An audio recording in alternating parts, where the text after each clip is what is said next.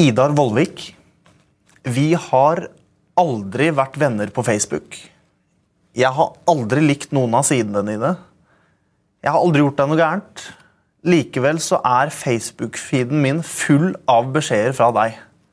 Hvordan har det seg? Mange av dine venner eh, liker meg da tydeligvis. Og når de gjør aktiviteter på min Facebook som du vil eller ikke, liker det eller ikke, så for, kommer det også da opp til deg. Du irriterer jo folk. Ja, så det, det er et ordtak som sier du kan ikke lage omelett uten å break some eggs. Nå tror jeg dere har blitt mye bedre med tiden som både Facebook har gitt oss bedre verktøy, men ikke minst også det at vi har lært oss å segmentere, slik at du slipper å få reklamer for uh, damebind, f.eks. Vilfa fotball. Ja, Det er kanskje ikke det som interesserer deg mest. Men, men det er klart at nå kan vi segmentere at, eh, at folk fra 60 år oppover får se et vilfa Wilfa fotbad, og eh, de er jo interessert i sånt. Så du innrømmer at du har spammet Facebooken til Ja, folk? det er. Du kan bruke hva uttrykk du vil. Vi, har, eh, vi kjøper og betaler reklame til Facebook, som de distribuerer ut til det norske folk. Og så føler jeg vel at til å begynne med så var det nesten bare meg som gjorde det. Og da ble det for mye selv etter min egen smak. Hvem er det som oppdaterer Facebook? Hvem skriver alt? Jeg selv logger meg på syv om morgenen og logger meg ut sånn ett-to om natta. Eh, vi har syv-åtte personer til som har tilgang. Eh, hvis at prosentvis eh, jeg skal si hvor mye jeg er der, så står jeg sikkert for halvparten av, eh, av det som eh, postes. Eller, eller mer. Hvordan var det å være spamkongen av Facebook? Ja, altså til å begynne med så var det eh, ikke så hyggelig, for at eh, det er klart eh, Alle har brukt en reklamefri Facebook i noen år. Så innførte Facebook reklame i noen land før Norge. Norge var ganske seint ut. Og når en sånn markedsfører som meg oppdaga muligheten, så selvfølgelig benytta jeg meg av den. Til å begynne med var det overdrev vi gjerne bruken. Hvilke reaksjoner fikk du på det? Og jeg fikk daglige masse klager på at uh, uh, Kom deg bort fra Facebooken min. men, men det er jo ikke din, Mats, eller min sin Facebook. Det, Facebook eies jo det er et børsnotert selskap. Og, og Facebook er noe vi låner per i dag gratis, men det er jo faktisk diskutert at det nå skal koste penger. Fikk du trusler? Ja, de eh, trusler og trusler, det var vel det Altså, det var vel me- mest sånne verbale trusler om at, uh, at de skulle uh, Hva skal jeg si uh, Spamme meg og litt sånne ting. Og, og, og de fleste truslene var ganske lystbetonet uskyldige. Det var liksom ikke noe det var ikke noe drapstrusler, for å si det sånn. Mens irritert, det ble mange. Men var ikke Ludo egentlig et mobilselskap? Ludo var i, fra 1896 et brettspill som ble oppfunnet i en liten gruveby i England av min tipp-tipp-tippoldefar. Det er tull. Ja, det er tull. Men eh, jeg har merkevarebeskytta det navnet både innen mat, innen eh, eh, mobil, telekom, innen eh, handel av mange slags arter, musikk. Jeg har vært inne på Ludo Store Ja. og, og sett hva eh, du har å tilby av varer. Jeg må si at det er et ganske bredt utvalg. ja. Vi har egentlig alt ifra babytøy og utstyr til eh, gravlys eh, som varer i tre til seks måneder, altså LED-kvalitet. da. Slagordet er jo rett og slett 'alt til alle'. Dette her, for eksempel. Rammstein Special Box. Den boksen inneholder CD-en til Ramstein, men også håndjern, glidekrem og avstøpning av penisene til de seks gutta i bandet. Ja. Hvordan er markedet for heavy metal-dildoer om dagen? Eh, Jeg vet faktisk at, at vi selger den boksen, og, og vi selger faktisk en god del av den også. Vi har 50 000 produkter. Det er umulig for meg å både stå inne for alle produktene, og det kommer 200-300 nye produkter hver dag. Jeg, jeg vet ikke Og jeg har selvfølgelig ikke snøring på å ha oversikt på alt vi selger. Den boksen den vet jeg kommer fra en eh, leverandør som eh, ellers selger Som er Norges største leverandør på musikk, spill og underholdning. Og, og det her er nok noe som de har hatt i sortimentet sitt og lagt ut oss som, som er mer enn glipp, eller noe som er planlagt, vil jeg våge å tro.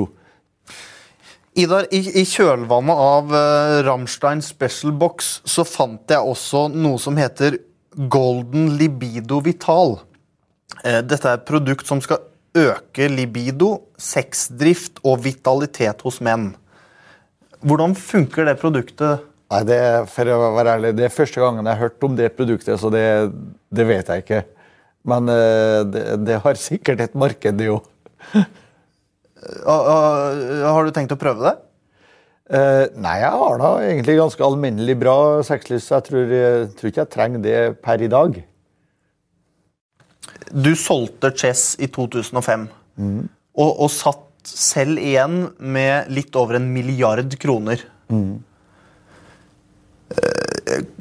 Kan du prøve å forklare meg hvordan det er å selge noe du har kjøpt for fire millioner, for én milliard?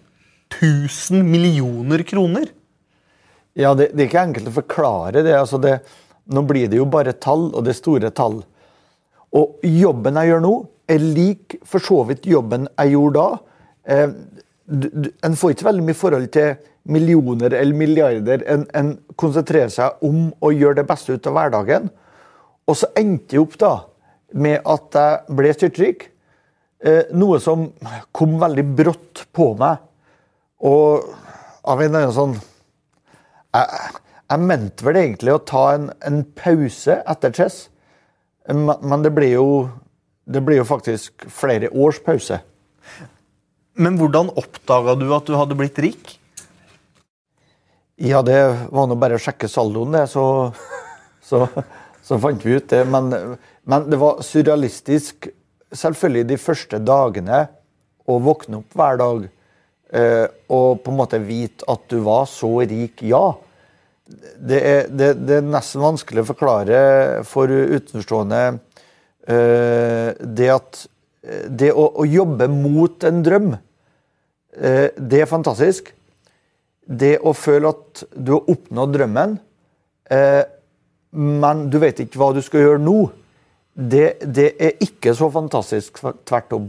Eh, etter chess-tiden, jeg hadde en plukktjeneste, si, og etter den var ferdig og vi flytta til Spania, så brukte jeg mye tid med familien min og, og gjorde andre ting som, eh, som jeg kanskje ikke har gjort på mange år. Hvordan var det rikmannslivet der, da? Altså, jeg tror det, det, det, er ganske kjedelig for mitt vedkommende. Så ble det det. Det var, det var, det var fantastisk helt til å begynne med. Og, og skal du si eh, Høydepunktene på dagene ble jo liksom eh, Hva mat vi skulle spise, og hvilke lunsjrestauranter vi dro på. Så gikk jeg på spanskkurs, så jeg lærte meg spansk. Så det var jo noe nyttig. Eh, men for øvrig så, så, så, tror jeg at når du har levd eh, som gründer og starta mange firmaer og vant til at det koker rundt deg fra morgen til kveld, så, så, så ble det ja, så ble det rett og slett veldig kjedelig å, å, å, ikke skulle på en måte være produktiv. Var det kjedelig å være milliardær? Ja. Det, det, det var alt annet eller kjedelig å, å bli det, Å, å jobbe opp imot å bli det. Det var fantastisk. Men å være det eh, men, men jeg, gjorde jo, jeg, gjorde jo, den tabben da, at jeg i en alder av 37 år pensjonerte meg. Det, det var ikke noe smart. Og, og, og, da, de første ukene så fylte jeg ut livet med båtliv og med familie og med aktiviteter og venner og, som mye, mye ting som jeg har forsaka i mange år, og som jeg, det var utrolig godt å få fylt opp tiden med at jeg kjørte ungene til skolen hver dag, jeg henta dem hver dag, vi gjorde mange aktiviteter. Men samtidig så var det en bit inni meg som, som døde hen, og, og det var lykken om rett og slett utfordringer. Det å være problemløser. Det å våkne opp eh, hver dag og vite at det er et hav av oppgaver som må løses. Ikke en gang, men nå, i dag. Jeg hadde plutselig ingen tilhørighet. Det, og det ble, en, det ble en veldig rar eh, opplevelse å plutselig ikke eh, være en del av et slikt miljø. Ikke ha noe press på seg. Ble du ensom? En slags bisarr ensomhet kan du nok si at jeg, at jeg fikk. Eh, og, og, kanskje aller viktigst, det, det, det at jeg mista eh, på en måte følelsen av at jeg var produktiv. Jeg bidro ikke med noe. Eh, det, var, det var rart. Du kjøpte deg et lite krypinn på Marbella òg. ja da. Vi, vi, kjøpte oss et, et, hus der, i et område som er helt gated, altså helt lukka. Og, og vi, huset var jo altfor stort i forhold til hva vi trengte. Det ser ikke veldig nøkternt ut. Nei. Eh, og med så mye penger som vi hadde, da hadde vi heller ikke noe behov for å være og tenke så nøkternt i forhold til den investeringa vi gjorde der. Mye kosta det? Men det er et stort hus. Jo, det, det, det, det, her er et hus eh, Det er mange mange titalls millioner kroner. Og det er et eh, Men igjen 100 millioner? Ja, det er ikke så langt ifra. Og, og det, er et, det, er et, hus som Det er en eiendom som Som Hva skal du si Som i hvert fall ikke forsvinner i verdi, selv om at det har gått mye ned. Det har jo alltid Spania gjort. Nå er det sånne ting som uh, plutselig kan snu på seg igjen, får vi håpe. For da selger du? Da selger jeg. Fordi du har det fortsatt? Jeg har det, og har leid ut. Idar, jeg har funnet et bilde her. Mm. Det er du og Carl Gustav. Ja. hva, hva, er dette? ja, ja det, det, er tydeligvis et bilde som eh, norske medier ikke har fanga opp tidligere.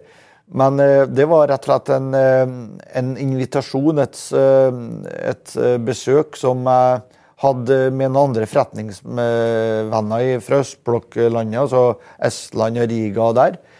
Hvor vi, hvor Hos Carl Gustav i Sverige? Ja da. Ja da. Foranledninga for dere var at vi, at vi, var på besøk til presidenten i Estland.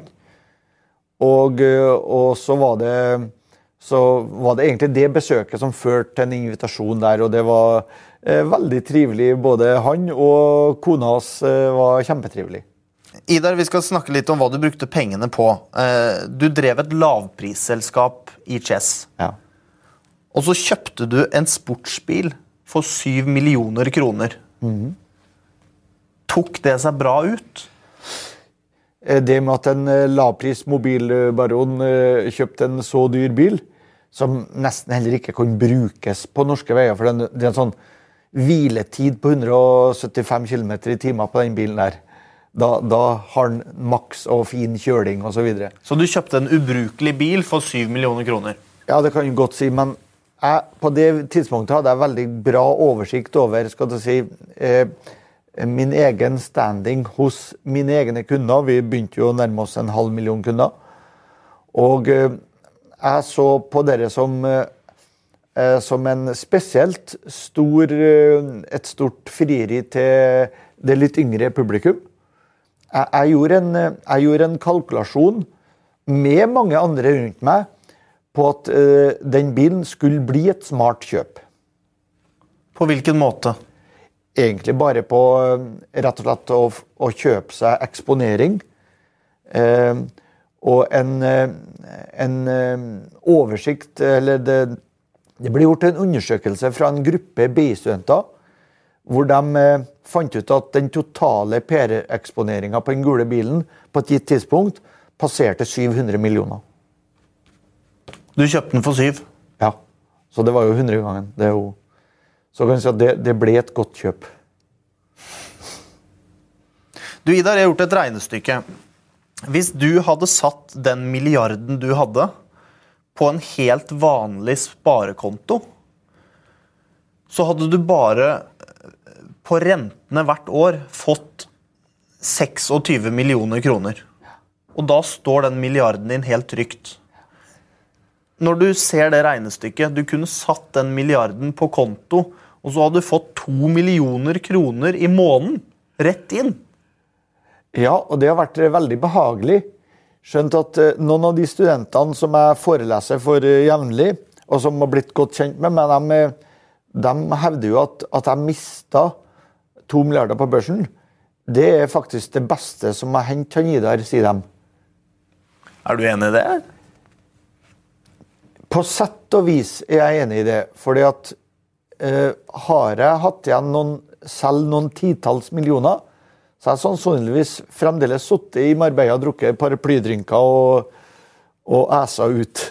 Men mens eh, eh, Fordi at jeg faktisk eh, ble blakk og, og måtte komme meg i manesjen og jobbe igjen, ja, så gjorde jeg det også. Og klart at nå er jeg mer sulten og mer ivrig eller noen ganger. Jeg er Hvis du tar et lykkebarometer fra 0 til 100, så nærmer jeg meg veldig 100 i forhold til at nå har jeg utfordringer i fleng. Både i jobbsammenheng og fremdeles litt utenom jobb også. Men nå jobber vi, og, og nå, si, nå, nå føler jeg selv at jeg har verdens beste jobb. Eh, og det er opp til oss sjøl hvor bra det skal bli, hvor stort det skal bli. Eh, men jeg er sulten på å gjøre jobben, og jeg, gleder meg med det, i hvert fall. Du hadde 1200 millioner kroner. Altså 1,2 milliarder. Og så tapte du alt det i tillegg til 300 millioner. Ja, Hvordan er det mulig? Ja? nei, da, da var jeg Jeg handler jo på børsen for ca. 1 milliard hver dag. Og eh, jeg var litt for sein til å dra i spakene, i, i bremsen. Så i løpet av en femårsperiode så, så tapte jeg totalt sett 2,4 milliarder. Og, og, eh, og selvfølgelig, der skulle både jeg og kanskje noen rundt meg òg ha dratt i nødbremsen litt tidligere. Eh, Men, men det ble ikke gjort. Og, og jeg er vel litt sånn er vel litt der at, eh, at eh, gjort er gjort, og, og eh, eh, nå må vi legge det bak oss og fokusere og se fremover. Er det mulig å få et lån på 300 millioner avdragsfritt i noen år? Nei. Det, det er vanskelig. Men hvis du skylder dem, så går det an å forhandle med kreditorene at, eh, at du får litt arbeidsro. Eh, det, er, det er ikke en eh, Det tror jeg er en eh, nokså vanlig situasjon. Hvem har du lånt disse pengene av? Nei, det er jo Mesteparten av de pengene her var jo en av de investeringsbankene som jeg brukte, og som har tjent voldsomt mye penger på meg. Men, men mye skylder du nå, da? ja, hvis at jeg sånn Fingeren i været, så er det kanskje en eh, 20 millioner. Kan du ikke bare selge det huset ditt i Marbella, da, så er du gjeldsfri? Det huset er, til salgs, og du er velkommen til å kjøpe det. Men markedet for slike hus eh, per nå er gått drastisk ned. Eh, det kommer nok der. Og da er eh, gjerne det Altså, vi, har, eh, vi er på en måte vi er ferdig med det huset, og eh, mens eh, det er et hus med, som det koster mye penger bare å holde og drive. Og og nå går det i hvert fall økonomisk rundt med at vi leier det ut. Plutselig så kommer det en, en rett kjøper, og intet ville glede meg mer. Det er noen nederlag her i livet som ikke kan sammenlignes med dette. Det å tape penger. For eh, 19 år siden så fikk du en, eh, en sønn som hadde en vanskelig start på livet. Mm. På hvilken måte da? Min eh, lille gutt Jan Idar han ble født med to adskilte kretsløp. Så i løpet av eh, noen uker så måtte han eh, var vel i sin sjette leveuke, så måtte han ha en omfattende Han levde på kunstig åndedrett da, fram til da. og når han var seks uker, så måtte han ha en omfattende operasjon hvor de eh, eh, på en måte spleisa sammen de to kretsløpene. Operasjonen var vellykket, de gjorde en god jobb der. Men eh, hvor eh, eh, En uke etterpå så døde han av komplikasjoner. Altså rett og slett eh, blodpropp. Og, og det var Det var ikke mulig å redde. Hvor gammel var han da? Han ble eh, to måneder i en dag. Hvordan taklet du det? Nei, det Det, det er 19 år siden. Altså, jeg husker ikke eksakt hvordan jeg takla det, men, men vi takla det. Kan tiden lege sår som det der? Gjør dem mindre åpne, kanskje.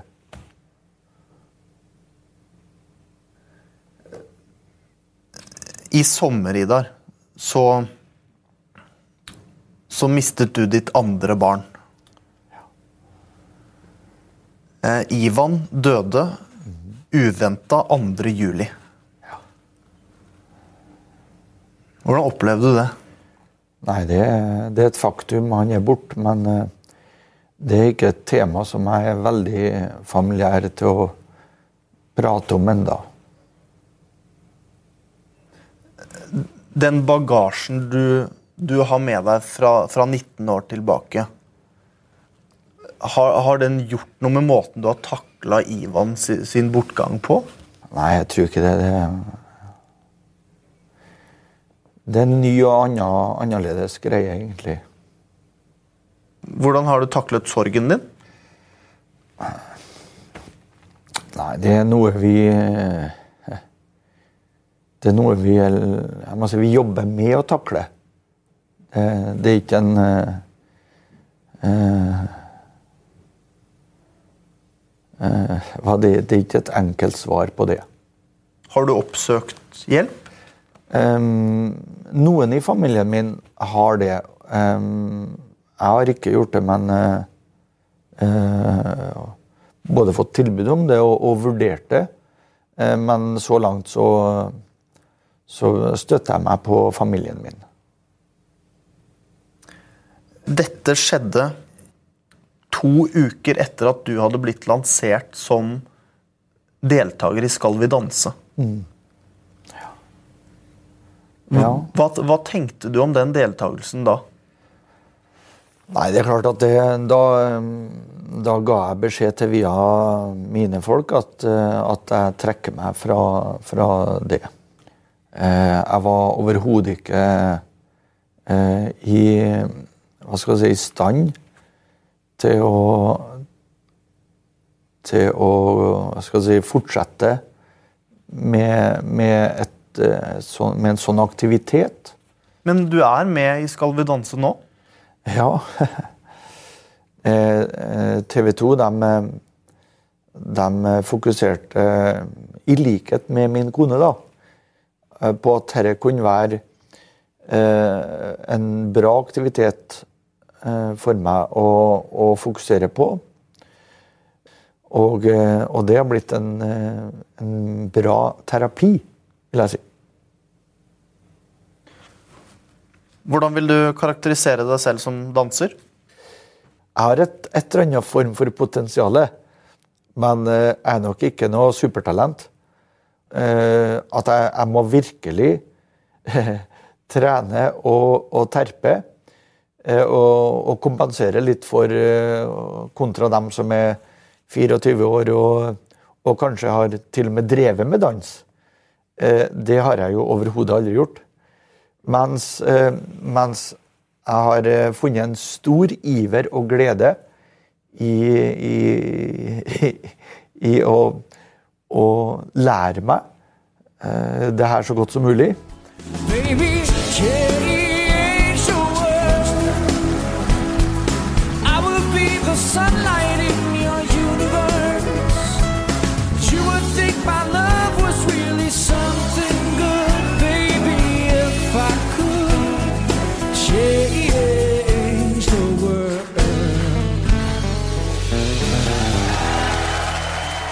Hvordan synes du at det ser ut selv? Jeg syns det ser ja, jeg synes det ser ut sånn som dommerne sier, egentlig, at, at jeg er litt for stiv. Men, eh, men det er nå bare sånne ting som, eh, som jeg egentlig ikke er. Eh, Normalt så, så, så mm, pleier ikke å bli stiv, eller Men, men jeg tror at i det Du blir så dratt og sugd inni en sånn eh, En modus hvor du, hvor du vet at det er nesten en million mennesker som ser på, hvor at uh, det er uh, lys og kamera og samme hvor du snur deg, og, og, uh, og det preger en veldig. Men, men samtidig så prøver jeg å slå meg til ro med at Idar, det her er jo et underholdningsprogram hvor, hvor du kan ikke egentlig ikke gjøre noe annet enn å gjøre ditt beste. Lykke til. Jo, takk. Idar Vollvik, tusen takk for praten. Jo, i like måte.